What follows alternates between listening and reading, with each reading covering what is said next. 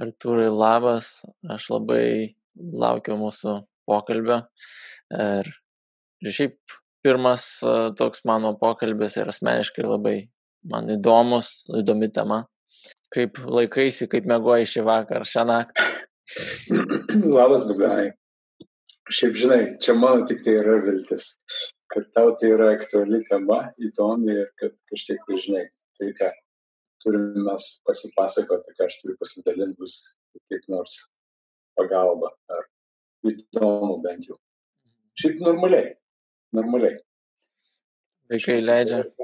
Orai, orai atšilo, vaikai užmygo pakankamai anksti, vakar vakare Robiną Hudą dar paskaitėm irgi vieną iš tų atsovietinių knygų išsitraukę. Ten visai neblogai. Kokią skaitat? Robiną Hudą. A, Robina Hoodą. Palauk, lietuviškai? Lietuviškai, ja. Mhm. Tokia sovietinė, už rublį 30 ten e, e, kapeikų. Mhm. Ja. Angliškai, angliškos kūrybos, sovietinė leidimo lietuvių kalba. Yra kombinacija. Jo, papasakok. Dievas ten visur kas man įdomu, žinai, vertime yra palikta žodis Dievas, bet jis visur rašomas mažąją raidę. Mhm. Jo. Aš iš tų sovietinių knygų ten atsimenu, kai dar prieš įtikint, tai mano tėtis jau buvo įtikėjęs ir aš kažkur ten naudotų knygų parduotuvėje netyčia užmačiau tą tokią sovietinę, sovietinę knygą, kuri vadinasi ateizmo vadovėlės ar kažką tokio, žinai, ir kadangi tėtis iš tos kitos pusės, o aš pamačiau ateizmo vadovėlis, o gal visai ką nors pasimokysiu, kad tėčiui papasakoti. Maištas. jo, paslėpiau, atsimenu tą knygą pas save ten kambarį už, už rūbų kur nors. Tai jau po to, kai išsikraušiau, neseniai prieš keletą metų ten jie vėl radau, savo kambarį buvo aplankyti. Buvo jokinga prisiminti. Gal papasakok trumpai apie save, savo vat, istoriją ir įtikėjimo, ir, ir vat, nu, iki vaikų. Mm. Šitai iš tikrųjų, žinai, labai daug būtų ką pasakoti. Tai -huh. aš galvoju, kaip čia sutrumpinti, kad kaip nors arčiau temos išlaikyti visą tą reikalą. Tai aš šiaip esu kilęs iš šeimos, kuria nu tokia buvo turbūt ganėtinai tipinė sovietinė šeima, labai savotiška. Buvo tėtis mano inžinierius, mama labiau administracijai dirbo, su tiekimu daugiausiai. Ir jie buvo tokie, praktiškai jie buvo netikintis. Nes tik paskui jau, kada, kada aš įtikėjau, jie kažkaip prisimenė, kad tie katalikai, tai, tai tėčiai tai buvo irgi vis tiek gan vienodai, mama taip jau norėjo nukreipti mane į tą labiau tokį įprastinį, mhm. kažkokio tradicinio religingumo srovę. Ir kažkaip ilgą laiką tai aš, aš nieko labai nesidomėjau su to, kas susijęs su Dievu, kas įdomu, tai mane kažkaip labai gazdino, nežinau, ar tai teisingas žodis, tinkamas žodis gazdino, bet atrodo keistai tai, kaip vyksta dalykai katalikų bažnyčioje, pavyzdžiui. Visas tas iškilmingumas, e, visi ten Žmonijos tokios atrodo labai ir, ir, ir kažkas, su kuo neturėjai sąlyčio, sąsajas tiesiogiai, atrodė viskas labai mhm. kažkaip taip auginančiai ir keistai.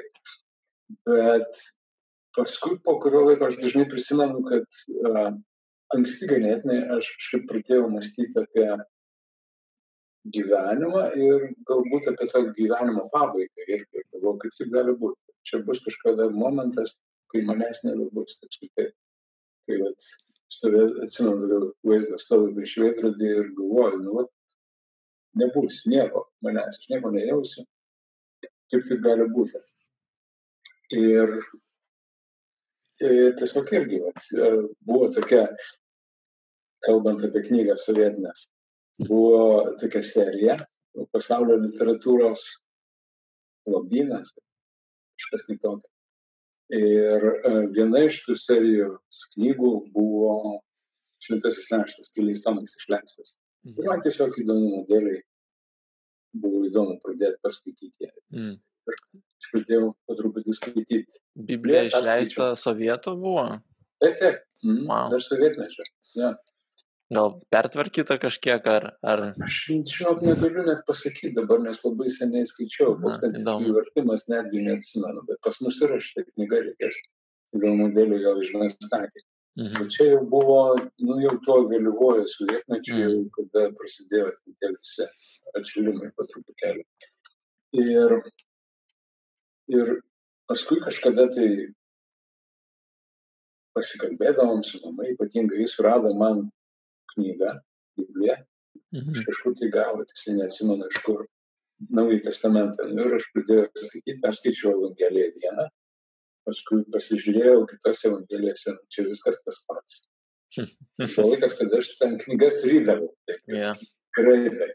Nėra naujos informacijos, na gerai, šitą mes jau praėjome.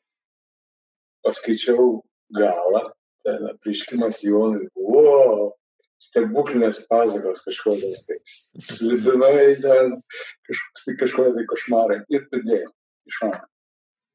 Ir taip panašiai padėjau iš šoną tai, kas susijęs su Biblija, iki universiteto panašiai ten to bakalauro, atitikmo būtų bakalauro studijų baigimo. Um, kitais būdais, kažkaip tai, žinai, Dievas mane traukė aš jaučiau, ten tokios kitos knygos mane domino. Remarkas buvo toksai labai madingas, Erikas mm -hmm. Remarkas. Dabar irgi madingas. Aha. Po to uh, Selingeris man labai patiko. Tai buvo vienas iš tų tokių esminių žingsnių Jeromas Selingerio, toksai Franį ir Zui yra įsakų um, rinkinys, apsakymų ir apysakų apysaka gal viena būtent tas Franį ir Zuvė yra. Ir ten jie tikrai va, ieško tarsi žmonės. Jie ne, netranda tų atsakymų dvasinio, bet jie tikrai ieško, kur yra gyvenimo prasme. Mhm. Ir man buvo tas toksai momentas, kada aš baigiau tą bakalaurą, aš pradėjau magistro tas studijas, kadangi nelabai žinau, ko daugiau čia aš norėčiau užsiimti. Ir dalis draugų universitetinio gyvenimo su visais baliukais, ten pagirimais ir taip toliau, ir taip toliau. Jie iškeliavo, išvažiavo ir aš, kiti ten taip ir liko. Ir taip toliau tą gyvenimą ir tęsi. Ir aš galvojau, aš neugi čia viskas. Tai čia yra kažkaip tai, toliau tik tai tas pagirimas ir, ir, ir, ir yra tai, kas, kas, kas yra visame šitame gyvenime. Ir tada a, mano draugas vienas pakvietė mane į Biblijos studijas kalbą. Aš ir pradėjau ten, irgi bankė tokiam pradėjau dirbti programuotoju, ten pasižiūrėjau, kaip ten tas gyvenimas atrodo, nelabai mane sužavėjo, švelniai tariant, čia irgi atskira kalba. Bet kokia atveju, aš nuėjau į Anglijos Biblijos studijas anglų kalba, kurias vedė studentės kanadietės tuo metu, kaip tik jau buvo Lietuva nepriklausoma ir atsivėrė sienos ir atvažiuodavo įvairių misionierių. Ir tai buvo tokia viena iš misijinių organizacijų, Lietuvos krikščionių studentų bendryje, su, su kuria kaip ir kartu darbavosi tos studentės. Kiek čia buvo? Kiek čia buvo intereso dėl Biblijos ir kiek buvo dėl kanadiečių studenčių?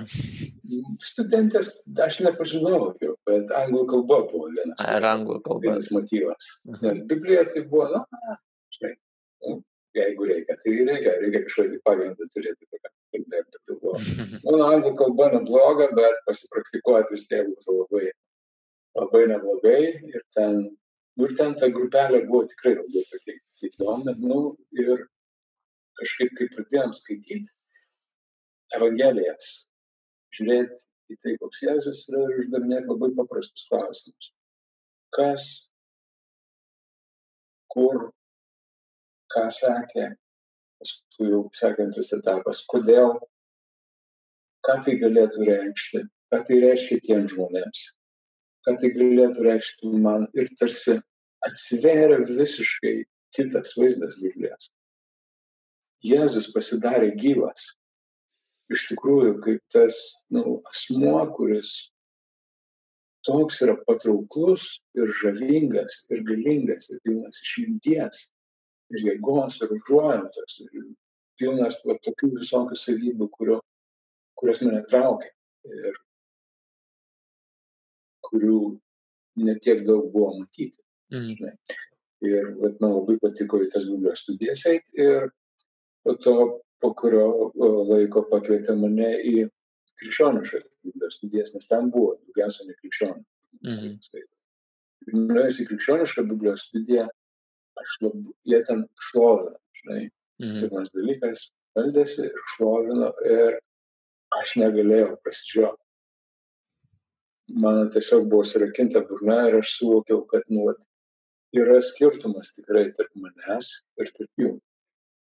Ir jie turi kažką, ko aš tikrai neturiu ir sąžiningai aš negaliu kalbėti tų dalykų ar dainuoti tų dalykų, kuriuos jie gali. Mhm. Ir čia buvo tas toksai, vat, vienas iš momentų, kada suvokiau, kad, na, nu, aš turiu pasirinkti, ko aš noriu. Aš noriu gyventi taip, kaip, kaip Jėzus kviečia ir rodo ir ar, ar noriu labiau laikytis įsikabinęs to savo gyvenimo, kurį gyvenau anksčiau, Ir taip panašiai apie kelis mėnesius turbūt truko tas laikas, kada, aš sprendžiausi ir aš visame tame jaučiau labai, kad Dievas yra arti. Aš mm. bendrabutį gyvendavau ir tiesiog tam bendrabučio kamparėlėje jaučiau, kad nu, yra kažkas, kas, žinai, bendrauja, tarsi priima, jaučiu, tą, tą prieimimą tokį jaučiau ir trauką savo širdį, tuo pačiu atrasdavau, kad nu, man labai sunku paleisti to, tą, tą siekį, norą pačiam sakyti, kas yra teisinga ir kas yra gera ir ką aš darysiu ir, ir, ir koks aš būsiu. Mm. Ir dėl, dėl Biblijos ir dėl to, kaip Jėzus atrodė, va šventam rašte man abejonė kilo ir aš tikrai norėjau, bet man klausimas buvo, čia iš tikrųjų yra realu, ar tai yra, nes atrodo, too good to be true, kaip sako. Bet va, aš tikrai pamačiau, bendraudamas su tais žmonėmis, su krikščioniais, kad nu, tie dalykai matosi jų gyvenime. Ir labiausiai tai kažkaip šitam procesą aš pradėjau save geriau matyti pradėjau matyti tą savo sarkazmą, tą tokį įprotį nupjovinėti žmonės, tikrai meilės trūkumą, savanaudiškumą didelį aš pradėjau atpažinti. Ir pradėjau savo netaip labai patikti. Ir iš kitos pusės žmonės, žinai, jie mane priimdavo su visu šito paketu. Kažkaip atverdavo ir savo namus ir ir laiką leisdavo su manim ir kažkaip jaučiau, kad jie tikrai kaip tai priima ir, ir, ir ta meilė iš jų sklinda ir man tai padėjo apsispręsti. Ir pagalvojau, kad, okei, okay, gerai, aš, aš pavedu savo gyvenimą Jėzui. Tai va čia tokia, norėjau labai trumpai papasakoti, bet gavosi vis tiek ganėtinai ilgai.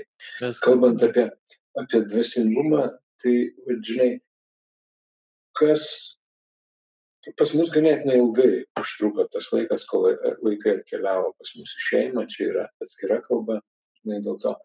Bet tame laike mes su Lina susipažinom, būtent Lietuvos krikščionių studentų bendryje, kas, kas mums, sakykime, kas mums pasisekė, tai tai, kad vat, per šitą tarnavimą mes išsiugdėm arba Dievas padėjo mums įsidėkti tuos įpročius dvasinio gyvenimo.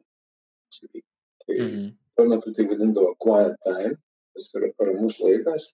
Čia būdavo tokios stovyklos, kur mes vat, tiesiog studijuodavom raštą, melsdavomės, e, kalbėdavom vienas su kitu, melsdavomės po vieną kartu ir taip atrasdavom atskirti laiką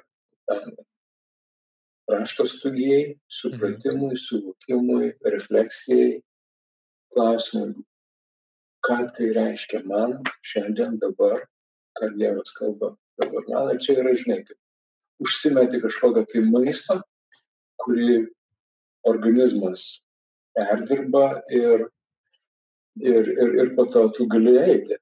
Tu turi jėgų daryti kažkokius tai dalykus, tavo, tavo gyvybė yra palaikoma. Mhm.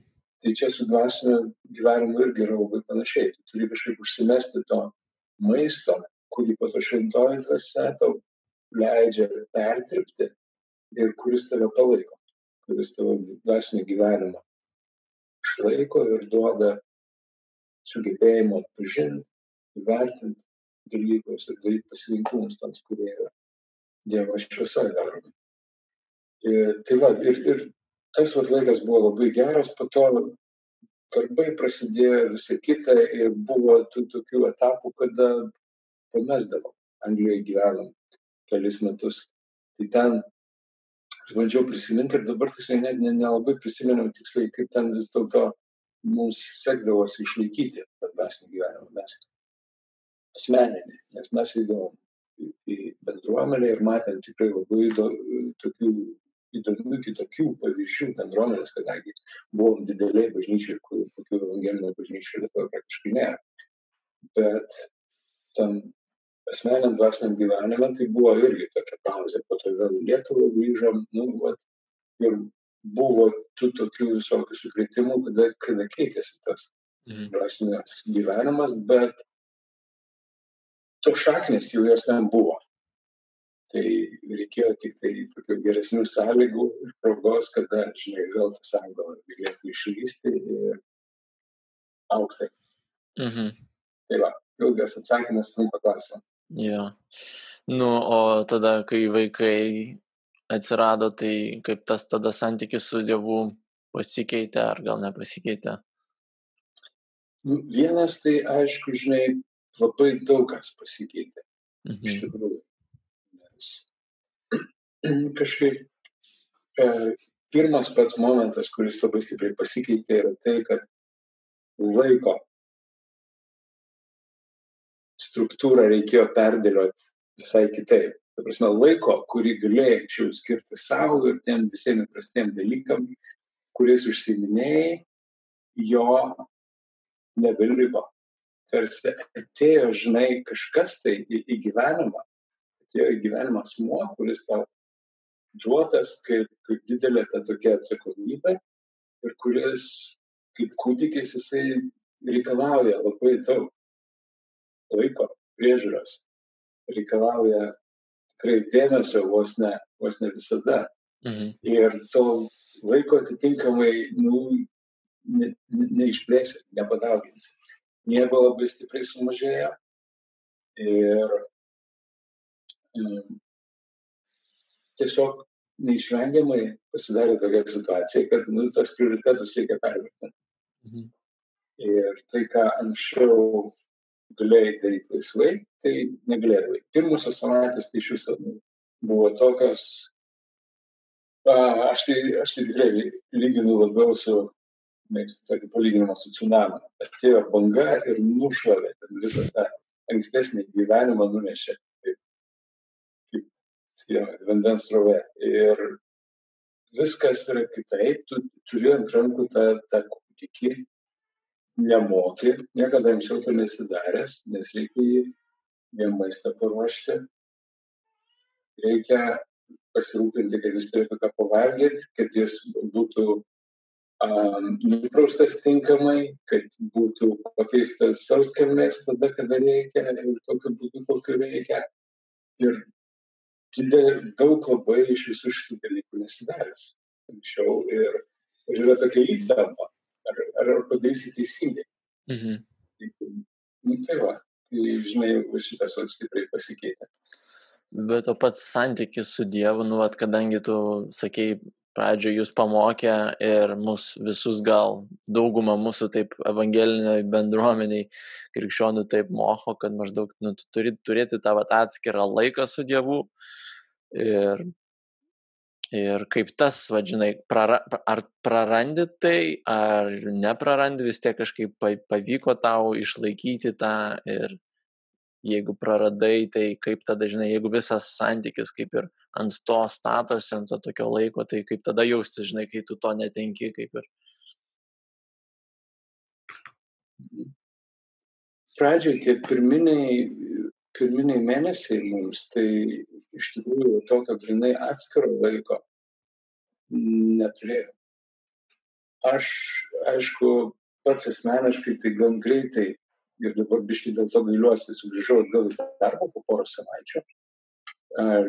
Lina, tai šiek tiek turbūt jau ir liko, nu, kaip pasakyti, palikta tvarkytis, šiek tiek labiau galima sakyti, dienas, dienas bėgi, nes aš tai tikrai rekomenduočiau ir dabar norė, būčiau norėjęs, kad kokį bent jau mėnesį įsigyventi tą, į tą gyvenimą, būčiau galėjęs.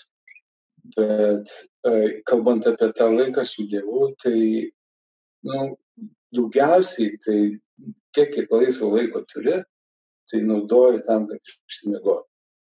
Tam, kad normaliai pamiegot, kiek įmanoma, kad atgauti jėgas ir vis tiek to miego trūksta. Uh, kur iš tikrųjų tas vat, dvasinis gyvenimas vyko, tai jis dažnai vykdavo šito vaiko ant rankų. Kas buvo, tai um, jam pradėjo pilveliai sopėti. Nes tai ypatingai berniukam būna dažnai labai. Jiem, kada visas tas žarnynas tvarkosi, jie, jiems kalba pilvą. Ir kažkur tai, tai buvo kaip, nu, preciziškai kaip uh, pagal laikrodį. Apie pusę devynių vakare prasidėdavo verksmas, kuris trukdavo taip panašiai iki valandos. Ir taip ištisinis tas toksai verksmas.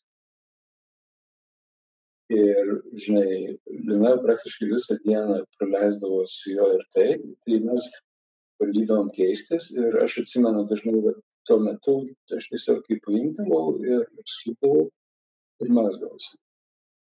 Ir tai buvo, žinai, vat, irgi tas laikas, kur aš labai jaučiau, kad Dievas yra šalia ir kad jam skauda, jam, jam sunku, ir man nėra lengva, žinai, nes kažkaip turi tarsi atjungti tas savo ausis, užbukinti kažkurias tai savo vislas, kad ne, ne, neišsikraustytum iš proto.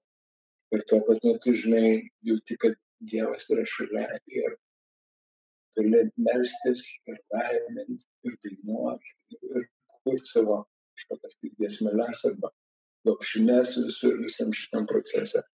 Ir šitas man, man tai labai padėdavo. Tai ir, ir, ir padėdavo jausti, kad nu, tikrai Dievas yra šalia šitame procese. Mhm. Po to ir, ir kažkaip, žinai, nu, kai vaikai auga, šitie dalykai po truputėlį keičiasi, viskas ten jiems tvarkosi, miegas normalizuojasi ir taip toliau, ir taip toliau. Mes Kaune gyvenom tuo metu ten tokį nemažą balkoną turėdavom. Tai anksti iš ryto, vat, kada jau gal, galima būdavo išeiti į lauką, tai aš su to vežimėliu irgi išeidavo ten jį biškai pasupuot, užmigdyti vėl po, po, po, po valgymo ir, ir gėdodavo tiesiog. Balkono? Jo. Ozana, Ozana. Arba tėvė mūsų. Žinai. Nu, ne taip, ne, ne taip, kad visų garsų, žinai, kad, visi kaimynai pabūstų. Būtų nieko visai. Visai nieko būtų. ne, nes vaikas turi mėgoti. Nėra mintis. Bet tau visai nieko. vaiką, vaiką reikia užmigdyti. Tai vad, žinai, irgi vad, jaučiausi, kad tai yra mano šovė. Mm, geras. Tai, bet tuo metu netgi į, į bendruomenę nelabai keliaudom, nesijauti, kad nu, kažkaip tai yra labai saugu su tokiu mažytu vaiku, nes mes į Vilnius merginą bendruomenę važiuodavom ir kelionė iš Kauno į, į Vilnių, tiesiog nusprendėm, kad to anksti važiuoti. Tai, tai va čia va būdavo mūsų, mūsų tokie. Tai toks mąstymo kažkiek pakeitimas yra, kad maždaug nuo to tokio savo individualaus laiko su Dievu, tu kažkaip pririši savo laiką su Dievu, savo santykių su Dievu prie vaiko. Aš kažkaip atsimenu, man labai įstrigo, kažkada girdėjau ar skaičiau uh, Eugenas Petersonas, message, Biblijos to vertimo rašytojas, pasakė kažkam, kažkokiai moteriai irgi patarimą, moteris klausė, maždaug kaip tą santykį su, su Dievu auginti, kai aš vat, turiu, žinai, rūpintis vaikais dabar. Tai jisai sako irgi maždaug surask kažką tokio, ką regul, reguliaraus darai. Pavyzdžiui, žindimas jai buvo ir sako, sujungtai kažkaip su Dievu ir tiesiog ten kažkokie neatsimenu, kad jis sakė, ar kažkokį ten du žodžius melstis ten, bet maždaug tai, kas jau yra reguliaru tavo gyvenime, vietoj to, kad naują kažkokį įprotį ugdyti, tu jau prijungi prie kažkokio jau egzistuojančio įpročio ir uh, tokiu būdu vos ne, aišku, tai ne, nepakeičia gal ne visiškai uh, tas pats atitikmuo, bet vietoj to, kad nieko neturėti. Aš tai tikrai labai sutikčiau, ypatingai, kai tie vaikai yra labai maži. Žinai. Nes mhm. kai, kai jie yra kūdikiai, nu, realiai tu turi būti šalia jų, nes jie net kažkas tai turi būti iš, iš jų artimų. Natūraliausia yra mama, žinoma. Mhm. Bet ji negali pavežti normaliai, nes jie irgi reikia pamiegoti ir, ir, ir pailsėti, kažkiek tai atsigauti. Ir normaliai dabar šiais laikais tikrai nėra jokios gėdos netgi iš, iš kultūros, iš visuomenės pusės, jeigu vaikai paima, atsiprašau, tėvai paima dalį to vat, krūvio, kuris tenka mm. mums paprastai. Ir, ir jiem būti šalia yra nuolatinis poreikis, jie neatskiria savęs ir, ir tada nėra kitos šilties tiesiog. Ir, ir tai yra normalu ir gera, nes tai yra Dievo Dievo įprastinis būdas būti su mumis. Jis su, su Ar žingsnį lengviau padaryti tą atskirimą, kad, nu, žinai, dabar, va, aš esu su Dievu, vietoj to, kad tiesiog kažkaip tai, žinai, suprasti, suvokti, kad jisai yra, ja. yra dabar su manim, tame, ką aš darau. Ar tu tuo metu tai suvokdavai, ar čia labiau toks jau dabar po, po, po, po daug metų taip galvoji ir ar buvo toks kažkoks tuo metu kaltės jausmas susijęs su Dievu? Aš tai sakyčiau, žinai, kad man turbūt, kad nebuvo to kaltės jausmo, nes aš tiesiog buvau per daug matyt įtrauktas į tą patį buvimo momentą. Nes visko buvo tiek daug, kad, kad ten labai neturėjau laiko, kad jaustis kaltas. Iš mhm. vienos pusės, žinai, dalyvauju tam stebuklę. Mhm. Tikrai, nu, vat, gyvybė yra ant tavo rankų naujas žmogus, kuris visiškai nuo tavęs priklauso, kuris tikrai niekaip negali savim pasirūpinti ir, ir esi atsakingas už jo visokiojo pagerbų. Mm. Iš kitos pusės ta, tas darbas dar yra ir, žodžiu, vyksta tiek daug dalykų tuo pat metu, kad man, man kažkaip tai nebuvo taip, kad aš, aš jaučiu komitę. Mhm. Tas suvokimas, kad Dievas yra šalia, nu, ateidavo ir nueidavo, nes tuo tokiu momentu būna labai daug įtampų. Tai vis tiek ir, ir fiziškai išvargęs, neišsimigojęs ir pastoviai toksai dėmesį turi išlaikyti, sukaupęs mhm. pačioj pradžioj čia, paskui jau išmoksti atsipalaiduoti truputėlį.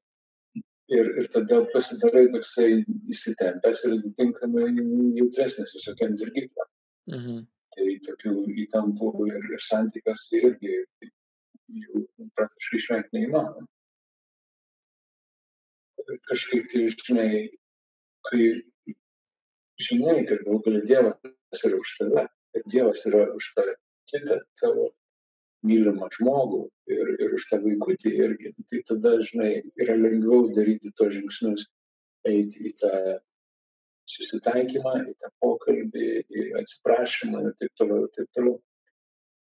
O, o paskui kažkaip, tai, žinai, nu, pradėti suvokti, tikrai, aš, aš tai pradėjau suvokti, bet tikrai, kad tuo metu, kada aš dar gėliau tas gesmes balkonui, tai žinai, stumdydamas, kad Dievas yra. Mm. Ar po to toliau vat po tos pirmos bangos ar įvyksta kažkokia adaptacija ar ar ar beįmanoma grįžti prie to kas buvo ar jau visiškai kitoks tas pasidaro santykis su dievu? Aš turbūt galvočiau kad yra du atsakymai į šitą į šitą mhm. klausimą. Nes iš vienos pusės jeigu kalbėt apie apie laiko paskirstymą kaip tu organizuoji tą savo dvasinį laiką savo buvimą su Dievu, ypatingai kai vaikai auga, kada miegas normalizuojasi, kada jie gali pabūti normaliai atskirai vieni, tada gali jau ir tą savo laiką pradėti irgi laisviau ir lengviau tvarkyti ir tada jį atskirti yra lengviau. Kada čia maždaug bus kada jie gali jau pabūti vieni? Aš dabar galvoju, žinai, labai individualiai. Man atrodo, labai individualiai, labai priklauso nuo, nuo, nuo konkretaus vaiko. Mhm. Mūsų atveju, jeigu vyresnėlis, tai net taip seniai, turbūt penki metai jam sukako ir jau jisai pradėjo, nu, tai daug maž laisviau, laisviau būtų. Nes ir nes, nesijaus kažkoks tai neramumas dėl to. Mhm su mergaitė tai greičiau, jau, jau kuris laikas. Tai, um, tai va, čia, čia vienas tas aspektas. Atsižvelgiant į tai, vis tiek dar, aš sakyčiau, geriausia, jeigu nori tikrai tokio ramaus laiko, tai kad niekas netrukdytų, garsai jokie netrukdytų ir taip toliau, tada atskirtam veiksmui laiką anksti ryte, kada, kada miegas. Aš dabar nežinau, ar tau girdisi ar ne, bet jau ir garsai visokie, mm. ir taip toliau. Yeah. Nu, fone, fone yra jau. Ir balsai, ir tada, žinai, kai nori išgirsti tylų Dievo balsą, ir tada sunkiau darosi. Ar tai tau tai čia... kaip yra? Tau reikia va to tokio visiško tylos, ar tau pavyksta kažkaip? Man reikia. Man reikia, tikrai. Aš irgi priklausomas. Ja. Man reikia ir todėl, nu, aš e, tikrai stengiuosi keltis pirmas, kada visi kiti miega. Ir bent jau pusvalandį turėti tokio laiko, kada, kada galiu būti tyloj. Mhm.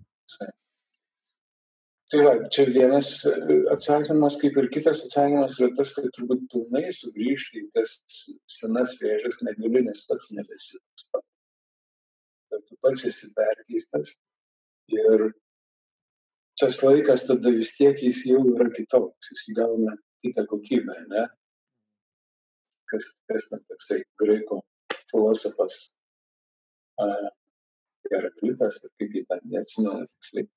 Jisai sakė, kad negalėjai įbristi į tą pačią upę du kartus. Nes tas vanduo jau nutekėjo. Jau vis tiek vanduo jau bus kitas atitekėjimas. Tai ir, ir, ir tas pats su tavim. Tu gali taip pat sustruktūruoti savo laiką, turėti tą pačią vietą, bet pats jau būsi kitas. Ja, ir su tais kitais išgyvenimais, su kitų suvokimu, žinai, su didesniu, gilesniu suvokimu, ką reiškia būti tėvu. Raštas sako efeziečiams, kad iš dangaus tėvo kyla visa tėvystė. Mhm. Jis yra tas tėvas, kuris suteikia prasme ir reikšmę tam, ką reiškia būti tėvu. Ir, ir jau, kai pajunti šiek tiek daugiau to, tai, nu, pilnai sugrįžtų gal jau nebegali ir, nu, ir ačiū Dievui. Ar tau, kad suvokti va, tą tėvystės konceptą, ar tau reikėjo, kaip, kaip ar tai, tai įvyko, ar tu skaitai kažkokias knygas, ar tiesiog laikas ateina ir Dievas parodo, Aha, aš nežinau, dabar neatsimenu jokių knygų, kurias skaičiau, tiesą sakant. Mhm. Um, buvo ten tų tokių labiau, žinai, mes, mes ėjome į mokymus tėvystės. Grubiai tariant, su Lina mes, mes ėjome tokius mokymus, kaip, kaip, kaip tėvai, grubiai tariant. Prieš vaikus ar? Taip. Ir, ir bet, bet jie nebuvo tokie vat, krikščioniški, kaip ir Mhm. nebuvo dvasinio pagrindo mokymai, jie Mhm. tiesiog buvo, žinai, orientuoti į tai, kad suvokti, kas vyksta su tavim, kokie, kas vyksta su vaiku, kokie yra jo poreikiai ir kaip galima juos teisingai atsakyti. Ir, ir tas, ta dvasinė plotmė vis tiek, jau matyti, žinai, dėl to, kad tos dvasinio gyvenimo su Jėzum patirties buvo netiek mažai, jį kažkaip atėjo natūraliai. Jis įsijungė ir kažkaip nori tikėti pašventino Mhm. visą, visą tą patirtį, be, be kažkokių tai specialių tokių studijų. Verta buvo, verti buvo tie kursai, ar tokie, kaip žiūrint atgal? Man atrodo, žinai, aš, aš apskritai už tai, kad e, kiek įmanoma daugiau mokintis. Mhm. Nes paskui tu gali save tam prasifiltruoti. Aš galvoju, mums ten tikrai buvo labai verta nueiti. Ir mes ten buvom ne vieni ir galėjom kalbėti su kitais. Tuo metu, vat, žinai, radom draugų, su kuriais galėjom kalbėtis, kurių anksčiau nepažinojom ir su kuriais visai, visai neblogai susi, susidraugavom ir Mhm. kažkurį tai laiką ėjom kartu. Apskritai, žinai, aš galvoju, kad nu, mes turim tą sugebėjimą bent kiek, jeigu brandesnis esi, atsifiltruoti dalykus. Tai yra, jeigu kažkas tai į pievas pjauna, nu, tai gali, gali šitą dalyką susipakuoti ir išmest lauk. Mhm. O šiaip mokintis yra, yra gerai. Tikrai Mhm. yra gerai neturėti tos nuostatos, kad aš viską žinau. Su tobulas ir man nereikia jokių pasikeitimų.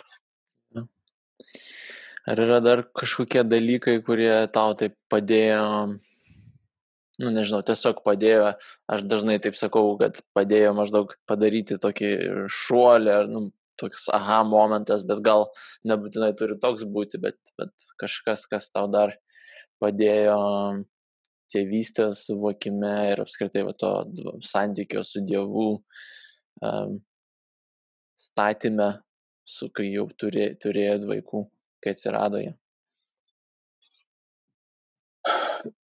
Žinai, man turbūt vienas iš esminių dalykų, ir man atrodo šitą yra labai svarbu suvokti, yra tai, kad nu, tai nėra paprasta ir tai neturi būti paprasta. Susitaikyti, žodžiu.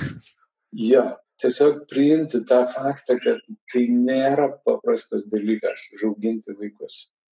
Tai yra daug energijos, daug jėgų reikalaujantis, daug, daug, daug mąstymo reikalaujantis dalykas ir, ir varginantis dalykas, labai paprastai. Jis yra varginantis vos ne visom prasme. Mhm. Visom prasmėm jis tau kainuoja ir, ir kažkaip, va, žinai, tiesiog susidėlioti tai galvoj, man atrodo svarbu. Ir, ir, ir suvok, kad visame tame irgi va, Dievas yra šalia tavęs. Ir mums buvo labai gera, kad nu, mes turėjom aplinkui save žmonių, kurie, kurie mums padėjo. Ir aš sakyčiau, kad, žinai, gal mes nebuvom tokie labai, um, mes apskritai turbūt galėtume būti labiau tokie proaktyvūs, ieškodami ir klausdami ir prašydami pagalbos. Mhm. Tai tiesiog, nu, atsintė mums žmonės visų pirma, tai vadinasi seseris buvo, kurios mums labai padėjo su praktiniais dalykais ir ten kažkokio tai normalumo lygį padėjo pasiekti tomis pirmosiomis savaitėmis. O to irgi, kai į bažnyčias, į bažnyčią pradėjome nueiti, jau tada kažkaip girdėti tą tokį padrasinimą ir tiesiog pasakymą, kad viskas yra gerai, čia tikrai nėra paprasta. Tiesiog vaikas eis, dalykai keisis, bet dabar Dievas yra su jumis. Buvo labai svarbu ir gera. Tai vat, kažkaip žinai, tuo metu vis tiek, man tai sakyčiau, buvo ir to tiesioginio iš Dievo padrasinimo, bet girdėti, patvirtinant, patvirtinant, patvirtinant kitus žmonės. Mhm. Tai dar tą tokį, žinai, didesnį svorį duoda. Mhm. O Mums tai buvo labai, labai naudinga ir labai gera. Kada maždaug galėjot jau grįžti į bendruomenę? Po kiek laiko? Į bendruomenę mes jau taip jau po, po kelių mėnesių. Aš dabar galvoju, turbūt keturi, penki mėnesiai buvo berniukai. Mhm. Kai mes nuvažiavom ir ten vat, jau paprašėm, kad padarytų jo palaiminimą. Ir, ir čia labai priklauso. Mūsų situacijai, sakau, didelio dalim tai įvyko ir todėl, kad vat, mes uh, važiavom į bendruomenę, kurioje jautėmės labiausiai tai Vilnius. Vilniuje, o tuo metu mes gyvenam Kaune. Mhm. Tai vis tiek tai gabaliukas kelio, nenorėjosi, kad jau būtų vyresnis vaikas. O tai kaip dabar tas santykis jau, va šiuo metu, kaip dabar dvasingumas, kaip santykis su Dievu? Dabar aš sakyčiau, žinai, nu, vat, tos, tos bangos yra tokios, kaip kažkuria prasme, kai, kai jos buvo anksčiau, kadangi yra atskirtas tas toks laikas prieš vaikus, kažkuria anksčiau tai prieš vaikus jeigu nevertint to, to fakto, kad, žinai, nu, aš pats jau kitoks. Um, kadangi jau galima atskirti laiką, kada skaityti raštą, pasimelsti, pabūti su Dievu. Ir tie vaikų poreikiai yra gerokai mažesni. Tai va tas meninio gyvenimo prasme, tai tos, tos bangos yra tos pačios ir tos bangos visada yra būna kada tikrai Dievas yra labai arti, būna, kai atrodo nieko nejauti ir, ir mestis yra sunku ir raštas, tai, tai nu, lygtai kažką tai ir sako, bet tai neipatingai daug, būna, kada atrodo, žinai, čia tiesiog atsiveria prieškimai, ne vieni po kito. Normalios bangos, tai yra normalu, normalios dvasinio gyvenimo bangos. Kitas momentas yra, žinai, kaip tą dvasinį gyvenimą gyventi šeimoje kartu ir padėti vaikams įsigyventi tą mhm. dvasinį gyvenimą, kaip jam padėti statyti savo ryšį su Dievu ir kad šeimoje būtų tas, va, ir šeimos momentas jungiantis ir kad Dievas būtų tame centre labai sąmoningai. Mhm. Tai šito mes vis, nu, kaip, kaip mokomės, mokomės kartu ir augam ir, ir vėl mokomės ir vėl gaunasi ir vėl nesigauna. Mm. Taip mes tokią praktiką stengiamės, stengiamės, stengiamės įdėkti, kad dienos pabaigoje mes galėtume pasikalbėti apie tris dalykus. Tai yra bent jau po vieną dalyką, už ką esame dėkingi Dievui, po vieną dalyką, dėl ko norėtume atsiprašyti ir vieną dalyką paprašyti. Ir čia irgi va, taip banguoja tai tokie momentai. Kas yra gerai, žinai, kad, nu, tai mes pasiekėme jau tokią stadiją, kad tai nėra netikėti klausimai vaikams. Nu, kada juos gauna, kaip ir tikisi, jie laukia ir jau jie paprastai pasako kažką, tai žinai, kartais tai būna taip spausta, kartais tai būna taip, žinai, jau, jau kažkas tikriau, kažkas giliau eina.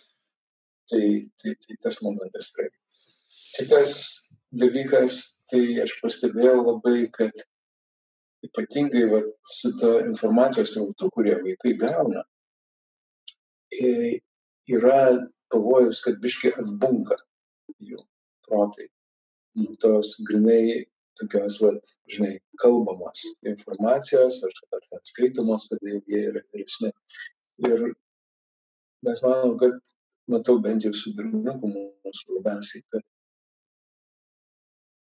kažkaip labiausiai jam prabyla, pavyzdžiui, liūdnas istorijas tada, kada galima jas arba suvaidinti, arba turėti kažką tai tokio pačiutinėjimo, paliečiamo. Pavyzdžiui, žinai, e, skaitant tą vieną istoriją, kada um, pakvietė fariziejus Simonas Jėzų pas save vakarienės į namus ir atėjusi nusidėlė. Plovė jam kojas savo ašaromis ir šlakstė plakais. Ir kitą dar ten tokią vietą buvom e, paėmę, pavyzdžiui, kai, kai ten frizėjus labai, gal kitą paminėsiu, pasipiktino, kad Jėzus nuėjo pas mūtininką, kuris buvo toksai labai stumtasis, stumtieji mūtininkai buvo Izraelėje, todėl kad jie bendradarbiavo su ta okupacinė valdžia. Ir, bet, pavyzdžiui, žinai, tas, tas momentas, kaip jie tuo metu pietaudavo, kaip jie arba, arba vakarieniaudavo, jie būdavo pasirėmę prie stalo, ar ne? Ir tai įsivaizduoju, žinai, kad nu, atsigulėm kažkuria prasme ten prie, prie to stalo. Ir Jėzus greičiausiai irgi, kadangi buvo pats artimiausias mūtininko svečias, jie buvo labai vienas ir kitą. Jėzus pasirėmęs ir tas mūtininkas turbūt pasirėmęs šalia. Ir jie taip arti, kad jie praktiškai, žinai, jie jaučia vienas kitą kvapą. Ir, ir, žinai, mes nesame taip, kad, žinai, tokią padėtį turim ir tai. Tu įsivaizduoji, ar ten yra tas pavyzdėlis, kuriam tas mūtininkas yra šleikštulį ir pasipiktinimą keliantis, Mhm. bjaurasti keliantis.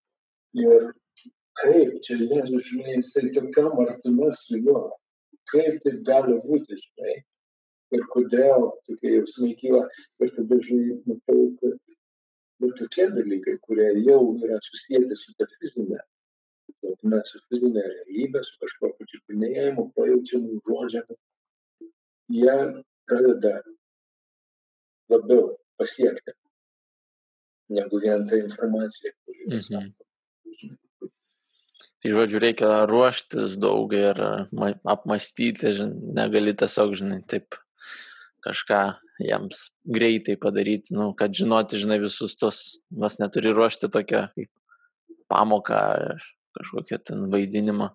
Man atrodo, čia, žinai, kombinacija dažniausiai. būna. Nes yra vietos ir vienam, ir kitam.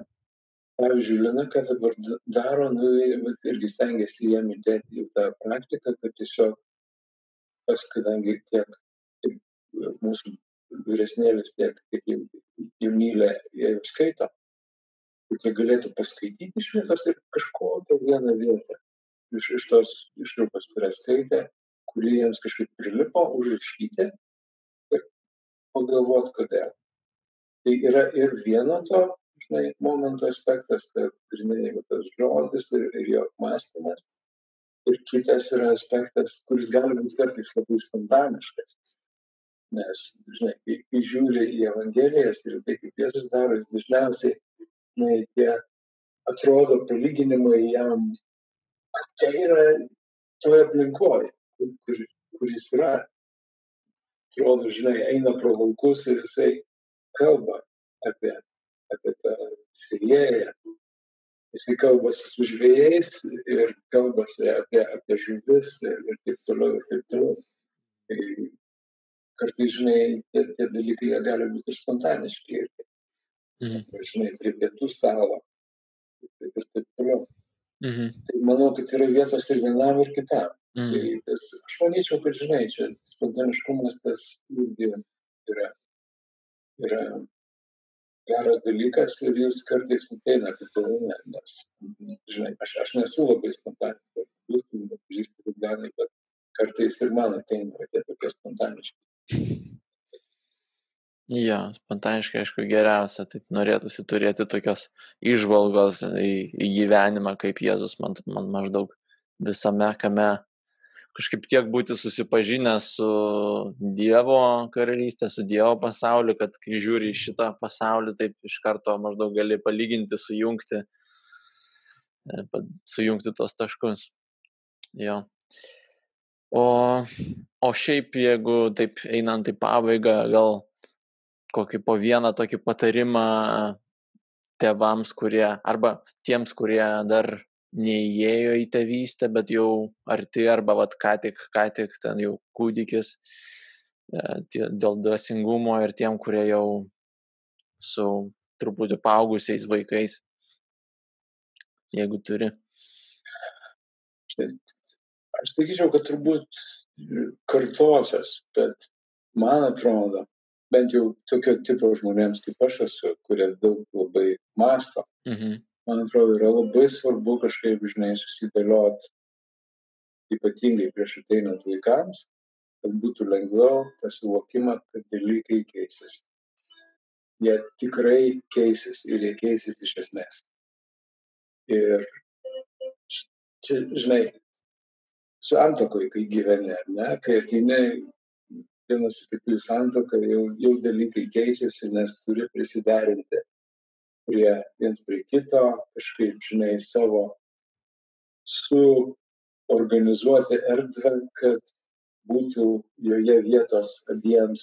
Ir čia yra du suaugę žmonės, kurie gali savim puikiausiai pasirūpinti ir atsakingi. O čia ateina dar vienas asmuo, kuris turi labai daug poreikių ir kuris nieko negali padaryti mhm. dėl to, kad jas patenkinti. Ir jam taip pat reikia erdvės, tos erdvės reikia labai daug. Ir taip, žinai, kai planuoji e, tą vietą, kur mhm. lovelės stovės, drabužius kažkokius, tai, ar ne, e, vystimo ten kokį stalą planuoji, vonelę planuoji, kur tą kūdikį. O visi tai galvoju, man atrodo, reikia irgi, žinai, kad tą kambarį savo biškutėlį apsitvarkyti, suvokiu, kad tikrai dalykai dabar bus kitokie. Kad, žinai, prioritetai jie turės būti peržvelgti, laikas turės būti, taip žinai, labai atsakingai peržvelgtas, kad būtų skiriama tiems esminiams, svarbiausiams prioritetams, nes jos sumažės jėgų sumažės, miego sumažės ypatingai pradinėse stadijose ir, ir santykiuose bus su, su bus, bus mažiau laiko vienas kitam ir kad Dievo malonės reikės, reikės dar daugiau negu šio. Tai šitą, man atrodo, tiesiog gerai suprasti ir suvokti, kad tai, tai yra normalu ir kad Dievas šitame yra šitą. Mm. Vienas skamba tas kaip e, kažkuria prasme gal tas laikotarpis gali labiau padėti suvokti, ką Jėzus turi omeny, kai sako mirtis tau, e, nes tu kaip ir palaidai tos savo, nu, būsi labiau palaimintas, kaip ir jeigu palaidosi sa save ir savo, savo norus, savo, taip bent jau skamba. O kitas, uh, dalykas, kurį, apie kurį mąstau, kad ant kiek svarbu suvokti malonę ir šiaip prieš, prieš vaikus, bet ir ypatingai turint vaikus, suvokti, kad Dievas mus nevertina pagal kiek mes laiko su juo praleidžiam, kokie mes dvasingi, kokie mes, nežinau, atsidavę, ar kiek mes jį prisimenam, kažkaip nuimti tą fokusą nuo save ir, ir žinoti jį kaip jis apsireiškia pilnas, pilnas gailestingumo ir malonės ir kad jis mums duoda tą teisumą iš, iš, iš Jėzaus, o ne iš mūsų. O vyresniems, žinai, tie, tiems su vyresniais vaikais, tai aš sakyčiau, žinai, kad ne, nepasitenkinti, sakykime, tuo pačiu režimu, kad nu, va, tik tai atsakyti jų tos, jų tos poreikius pagrindinius, mm. kadangi kai vaikai yra maži, ar ne, ten su jais labai širdies nepasieksi. Dievo dvasia su jais tik dirba. Pats gali tik laiminti juos ir mestis už juos. Ir atsakyti jų poreikius, tos fizinius ir emocinius artumo mm. poreikius. Kai jie yra vyresni, kartais gali būti pagunda, žinai, irgi atsakyti jų fizinius poreikius, mhm. atsakyti kažkiek tai truputėlį galbūt emocinius poreikius ir leisti tarsi širdies tiems dalykams tikėti savo vaga. Bet iš tikrųjų tai Dievas kviečia mus, žinai, eiti visą laiką ir siekti jų širdžių irgi. Mm. Ir, žinai, tai raginimas galbūt, žinai, ir mes mokinamės dabar, vat, e, kaip pasiekti jų širdis. Ir tai nėra paprasta ir kartais atrodo daug paprasčiau būtų. Tiesiog lengvai tai žiūrėti, numoti ranką ir taip toliau, bet tam, kad tikrai jų statydintųsi santykis su Dievu netgi savęs suvokimas, savęs pažinimas, mhm. reikia siekti jų širdžių ir kažkiek taip leisti jiems netgi pamatyti, nes kiekvienas iš mūsų, žinai, yra tas toksai humanistinis žmogus suvokimas, kuris sako, kad mes visi vaikai gimsta tobuliai geri mhm. ir visuomenė tik tai juos išmokina kažkokio tokio savanaudiškumo, pykčio ir taip toliau ir taip toliau.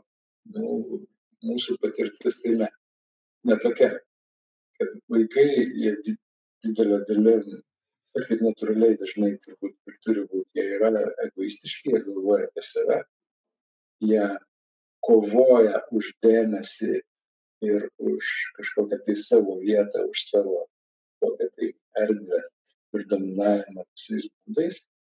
Ir tai jau yra širdies dalykai, su kuriais Dievas nori ir keisti. Ir kuo anksčiau mes šitai tai suvoksim ir galėsim vat, kviesti juos į tą širdies santykį, kas yra nelengvas dalykas, bet yra